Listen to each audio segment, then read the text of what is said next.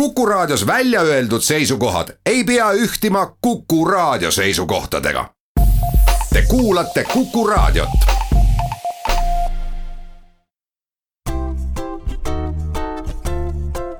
patsiendiminutid, Patsiendiminutid toob teieni Eesti Patsientide Liit.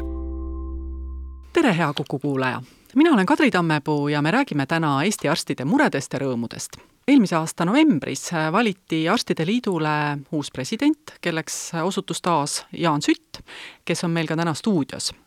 tere tulemast saatesse, doktor Jaan Sütt! tere!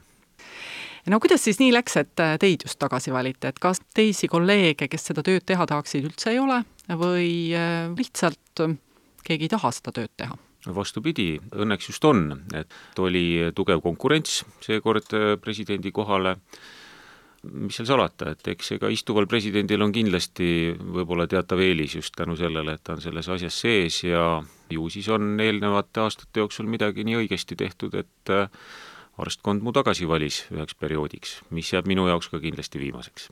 mis te arvate, mis see hästi tehtud asi oli, miks arstid teid hindasid? no ma usun, et kogu see töö, palju sellest ei paista välja, et meil on liidu enda käimashoidmiseks päris palju selliseid äh, töid ja tegemisi, mis tuleb teha, tuleb korraldada alates arstide päevadest kuni kolleegide esindamiseni, erinevad seadusmuudatusettepanekud, nagu näiteks patsiendikindlustusseaduse vastuvõtmine ja korruptsiooniseaduse muudatused, mis on need olulisemad teemad, mis viimasel ajal on tõstatunud. Te ütlesite, et äh, aitate mõnikord kolleege kaitsta, et äh, kuidas teie hindate oma kolleegi tegevust, äh, nimelt siis räägin kirurgiakliiniku juhist, kes andis arvamuse tehtud ravi kohta patsiendi lähedastele, andis arvamuse, kus PERHis pärast sappikivide lõhustamise protseduuri patsient suri. Ja see tohtri poolt antud arvamus jõudis päris kiiresti leheveergudele. kas äh, teie arvates kolleeg tegutses siin kuidagi piire ületavalt või jäi midagi tegemata?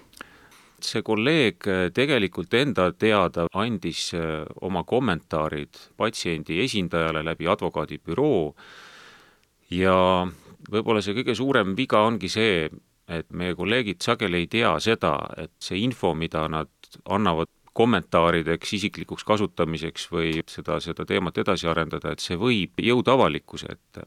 see oli väga kahetsusväärne juhtum, et kahe suure haigla professorid omavahel Õhtulehe veergudel niimoodi patsiendi andmete üle vaidlesid võib siin alati mõelda ka nii, et äh, enne kui midagi öelda, võiks äh, kokku leppida, kus seda kasutada? täpselt see jäigi tegemata, et jäi kokku leppimata, et, et need andmed ei ole avalikuks esitamiseks Äh, arstide liidu töö on ju, võib öelda, ametiühingu töö või selline vabatahtlik töö, ega selle eest vist palka ei saa? ikka Arstide Liidu tegevjuhatus on ikkagi palgaline meil. aga president? ka presidendil on ette nähtud töötasu. aga see ilmselt ei ole teie põhisissetulek, et kus te põhiliselt töötate? põhiliselt töötan Tartu Ülikooli Kliinikumis arstina, anestesioloogi ja intensiivraviarstina Tartu Ülikooli Kliinikumist rääkides ähm, äh, on hetkel siis täies hoos üks juhtimiskriis, millest ei saa ka mööda vaadata, et kui ma meenutan oma nõukogudeaegset ajalooõpikut, siis seal oli selline fraas, et äh, ülemad kihid ei saa ja alamad kihid ei taha vanamoodi elada, et mm, mis siis kliinikumis praegu lahti täpsemalt on? jälle tuleb öelda kommunikatsiooniprobleem, et selleks, et äh, kliinikum õpetava haiglana edasi areneks ja paremaks saaks, et vajadusest muutusteks on haiglaarstid ammu aru saanud. poolteist aastat tagasi, kui toimus uue haigla juhatuse valimine, siis selleks ajaks oli ka haigla nõukogu sellest aru saanud, et muutusi on vaja sisse viia. et meil on seal äh, omad asjad, mis tuleks korda teha, äh, juhtimis- ja struktuurireform on see, mis vajalik on. arusaadavalt äh, igasugused suuremad muutused põhjustavad paljudes inimestes, keda need otseselt puudutavad, meelehärmi mul on isiklikult väga kahju, et seda meelehärmi jälle samamoodi on otsustatud avalikkuse ees äh, väljendada, selle asemel, et äh, tulla kokku ja üritada omavahel need probleemid sirgeks rääkida. et arstide esindajana Tartu Ülikooli Kliinikumis mina olen teinud kõikidele neile asjaosalistele ettepaneku, et kas või nii-öelda neutraalsel Arstide Liidu poolt pakutud pinnal üritada need erimeelsused lahendada, aga kahjuks tuleb täna nentida, et mitmel korral on pöördutud nende lahendamiseks otse meediasse. kelle poole teie hoiate? mina arvan, et mõlemad pooled on teinud vigu. ma tean ainult seda, et need muutused on vaja läbi viia. aga võib-olla mõned inimesed kaotavad oma koha, võib-olla mõned saavad mõne teise töökoha, struktuurireformi oma olemuselt see ongi, et toimub teatav liikumine. kaldun sinnapoole, et ma toetan ikkagi praegust kliinikumi nõukogu, kes kutsub üles osapooli maha istuma ja arutama ja mul on väga suured lootused, et tänaseks planeeritud komisjoni kokkusaamine annab hea tulemuse ja selle komisjoni eesmärk ongi siis välja töötada need juhtimis- ja struktuurireformi nii-öelda täpsemad piirjooned usume, et asjad hakkavad äh, minema paremini, sest ega patsientide huvides kindlasti see ei ole, kui arstid omavahel tülitsevad. kindlasti ma tahan seda rõhutada, et ükski patsient sellest küll kindlasti kannatada ei saa. aga tuleme arstide elu juurde tagasi, et ähm, sügisel pidas Arstide Liit Rahvusraamatukogus eetikakonverentsi ja seal tulid jutuks korruptsiooniseadusest tulevad piirangud, mis ei lase ühel tavalisel tohtril tööd teha kas on sellest probleemipüstitusest tulnud ka mingeid uudiseid juurde, et arst ei peaks olema alati ametiisik, kui ta oma tavalist ravitööd teeb? jah, tänaseks võib küll öelda, et meie sõnum on jõudnud kohale, kaheksateistkümnendaks veebruariks on kokku kutsutud üks koosolek, kus osalevad Riigikogu Sotsiaalkomisjoni, Põhiseaduskomisjoni ja Õiguskomisjoni esindajad ja seal me saame siis äh, nii-öelda kõige kõrgemal tasemel oma muredest äh, otse rääkida. mis need mured siis põhiliselt on, mis teid vaevavad? nagu te juba ütlesite, et arsti korruptsiooniseaduse mõistes käsitletakse ametiisikuna ja viimase aja kohtukaasused näitavad meile seda kahjuks, et selle nii-öelda ametiisiku toimingu piirangute tõlgendus võib olla väga lai et meil on mitmed äh, kohalike omavalitsuste tegelased oma töökohti kaotanud, siin praegu käib ühes äh, suures haiglas, eks ju, samasugusel tasemel arutelu, et kas on korruptsiooniseadust rikutud, ja meid nõustanud juristide hinnangul võib tegelikult ka oma tavatööd tegev arst sattuda selle korruptsiooniseaduse hammasrataste vahele. kuidas see võib juhtuda siis? See võibki juhtuda niimoodi, et toimingupiirangud rakenduvad äh, arstile kui avalikule teenistujale läbi selle, et ta ei tohi oma lähedasi ravida. Need nii-öelda seotud isikud, keda arst võib-olla oma professionaalses praktikas kohtab, need on kõik seaduses kenasti välja toodud, et kes need kõik võivad olla, et kui me neile Haigekassa rahast ehk siis avalikust rahast pakume mingisugust teenust, siis teatud juristide tõlgenduse läbi võib seal olla tegemist korruptsiooniküsimusega. ja mida me tahamegi omalt poolt, on see, et juristid looksid meile õigusselguse. et arstid ei saa oma nii-öelda juuraalaste piiratud teadmiste ja ka piiratud ajaga ei saa teha alati nii-öelda juriidiliselt kaalutletult otsuseid proovime veel selgitada kuulajale, et äh, ravimine on ikkagi üks tervikprotsess ja kui me räägime ravimisest, siis aeg-ajalt tuleb välja kirjutada ravimeid, aeg-ajalt tuleb välja kirjutada töövõimetuslehti, aeg-ajalt tuleb äh, inimene saata uuringule. kas need on need juhud, kus tekib küsitavusi, kas, kas arst tohib näiteks oma lapsepõlvesõpra aidata või mitte? no täpselt needsamad ongi need segased juhtumid praegu. Me ei räägi siin kindlasti juba ammu enam korruptsiooni mõistes sellest, et kellelegi tuuakse meeleheaks šokolaad või konjak, et aga nüüd on see kahjuks laienenud jah, sinnamaale, et, et Haigekassa raha eest pakutav arstiabi allub korruptsiooniseadusele, noh teine paralleel võiks tuua ka selle, et kas õpetaja tohib riigikoolis oma klassis õpetada enda last või kas päästja tohib kustutada enda põlevat maja, eks ju, et kõike seda tehakse ju avaliku raha eest et see ongi täpselt see, mille kohta me selgust tahame no väga huvitav, aga teeme siinkohal jutu sisse väikese pausi, peatselt oleme tagasi ja jätkame doktor Jaan Sütiga rääkimist edasi. patsiendiminutid. patsiendiminutid toob teieni Eesti Patsientide Liit. stuudios on doktor Jaan Sütt ja Kadri Tammepuu. me räägime täna arstide tööst ja jõudsime otsapidi korruptsioonivastase seaduse tõlgendamise juurde, kus äh, arstidel tundub, et mõnikord tahetakse neid käsitleda korruptantidena siis, kui nad teevad oma tavalist ravitööd siiski eelmisel nädalal juhtus äh, selline lugu, millele te ka veidike viitasite, kus ühes Tallinna suurhaiglas äh, otsiti läbi, kuulati üle nii haiglajuht kui kaks äh, tohtrit, keda süüdistati just nimelt korruptsioonivastase seaduse rikkumises. kas äh, see juhtum on teie teadmist mööda veidi teistsugune asi kui lihtsalt retseptide väljakirjutamine? minu info põhineb ainult ajakirjandusel ja neil äh, artiklitel, mida ma olen lugenud, sealt võib, võib tuua välja sellesama probleemi, mis on tervishoius juba pikka aega, et kuidas tervishoius riigihankeid korraldada. Ühest küljest ma arvan, et enamus inimesi nõustub sellega, et arstid peavad saama töö, teha oma tööd parimate vahenditega. aga et kes need vahendid sinna haiglasse siis ostab, et selleks tuleb teha riigihange. küsimus on siis selles, et äh, kes selles riigihanke komisjonis osalevad. kui needsamad arstid, kes nende vahenditega tööle hakkavad, siis on juba kohe jälle korruptsioon õhus. Need arstid peavad ju õppima nende vahenditega töötama. Ja nagu ma selle Ida-Tallinna Keskhaigla loost praegu aru saan, siis arstid ongi käinud õppimas selle suure robotlauaga töötamist välisriigis ja selle maksis kinni siis üks firma. Need on Eesti parimad eksperdid praegu sellel teemal kui me need nüüd arvame välja riigihanke korraldamise komisjonist, kuidas me saame seda siis läbi viia? ühesõnaga, see probleem, et Eesti on oma väiksuse tõttu ilmselt just nimelt selliste probleemide ees väga tihti. avalikku raha meil selleks, et neid koolitada näiteks Ameerikas või kuskil mujal, piisavalt ei ole, firmade rahade eest seda tehakse, aga siin ongi nüüd äh, vaja avalikku kokkulepet, et kas me aktsepteerime seda või mitte äh, kuidas välismaal neid asju aetakse, kas äh, seal on lihtsam, sellepärast et arste on rohkem ja riigid on suuremad?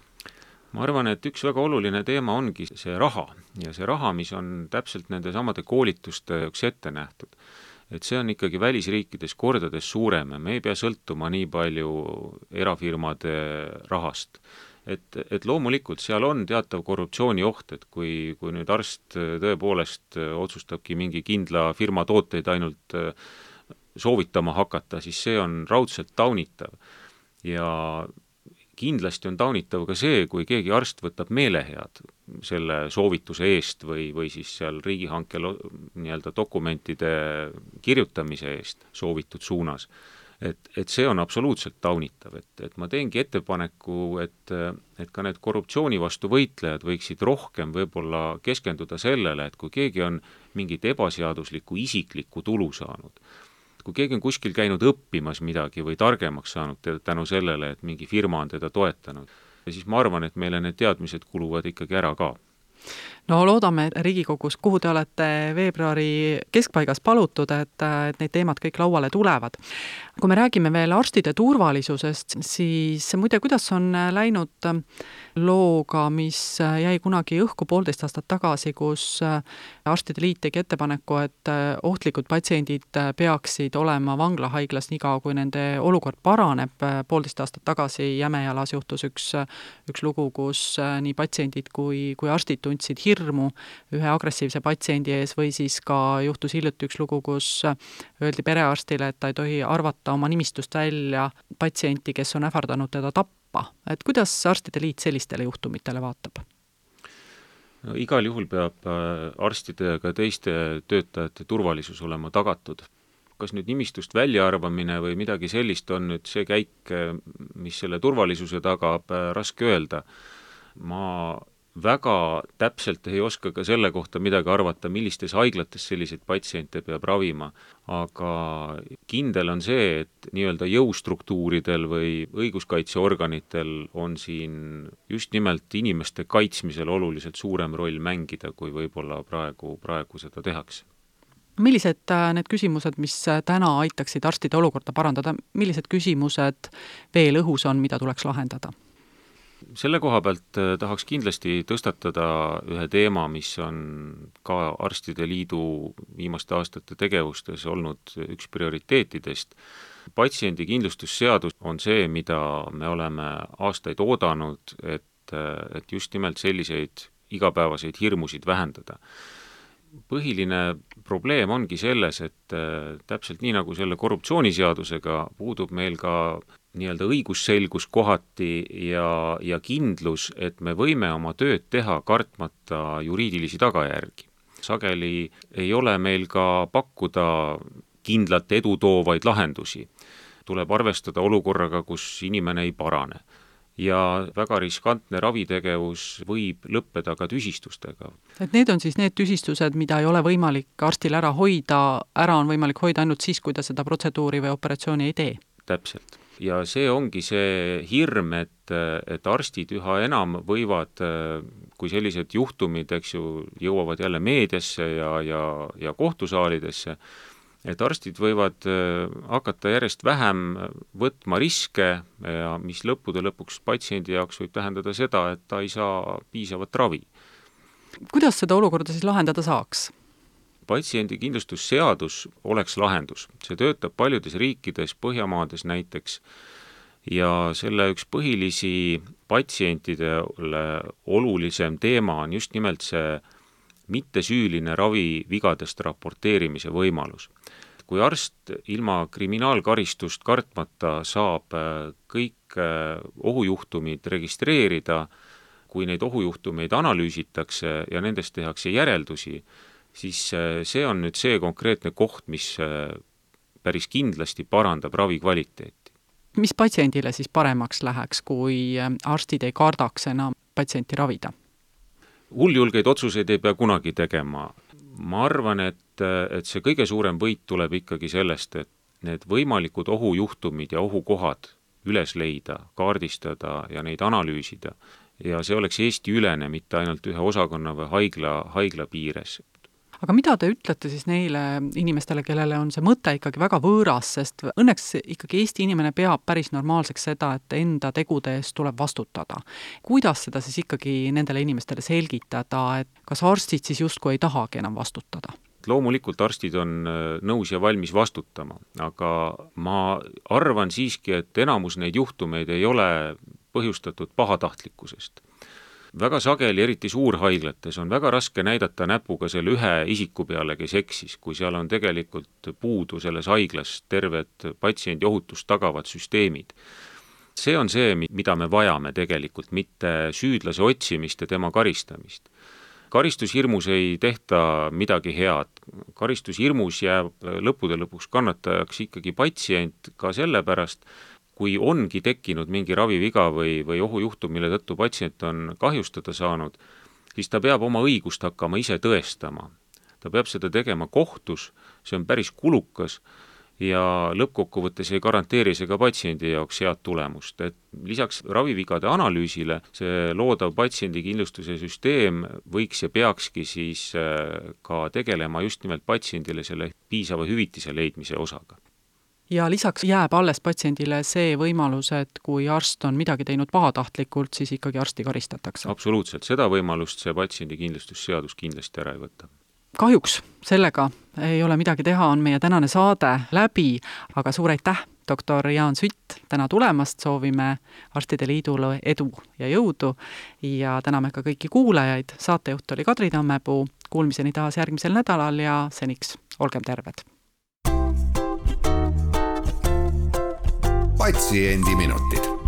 patsiendiminutid toob teieni Eesti Patsientide Liit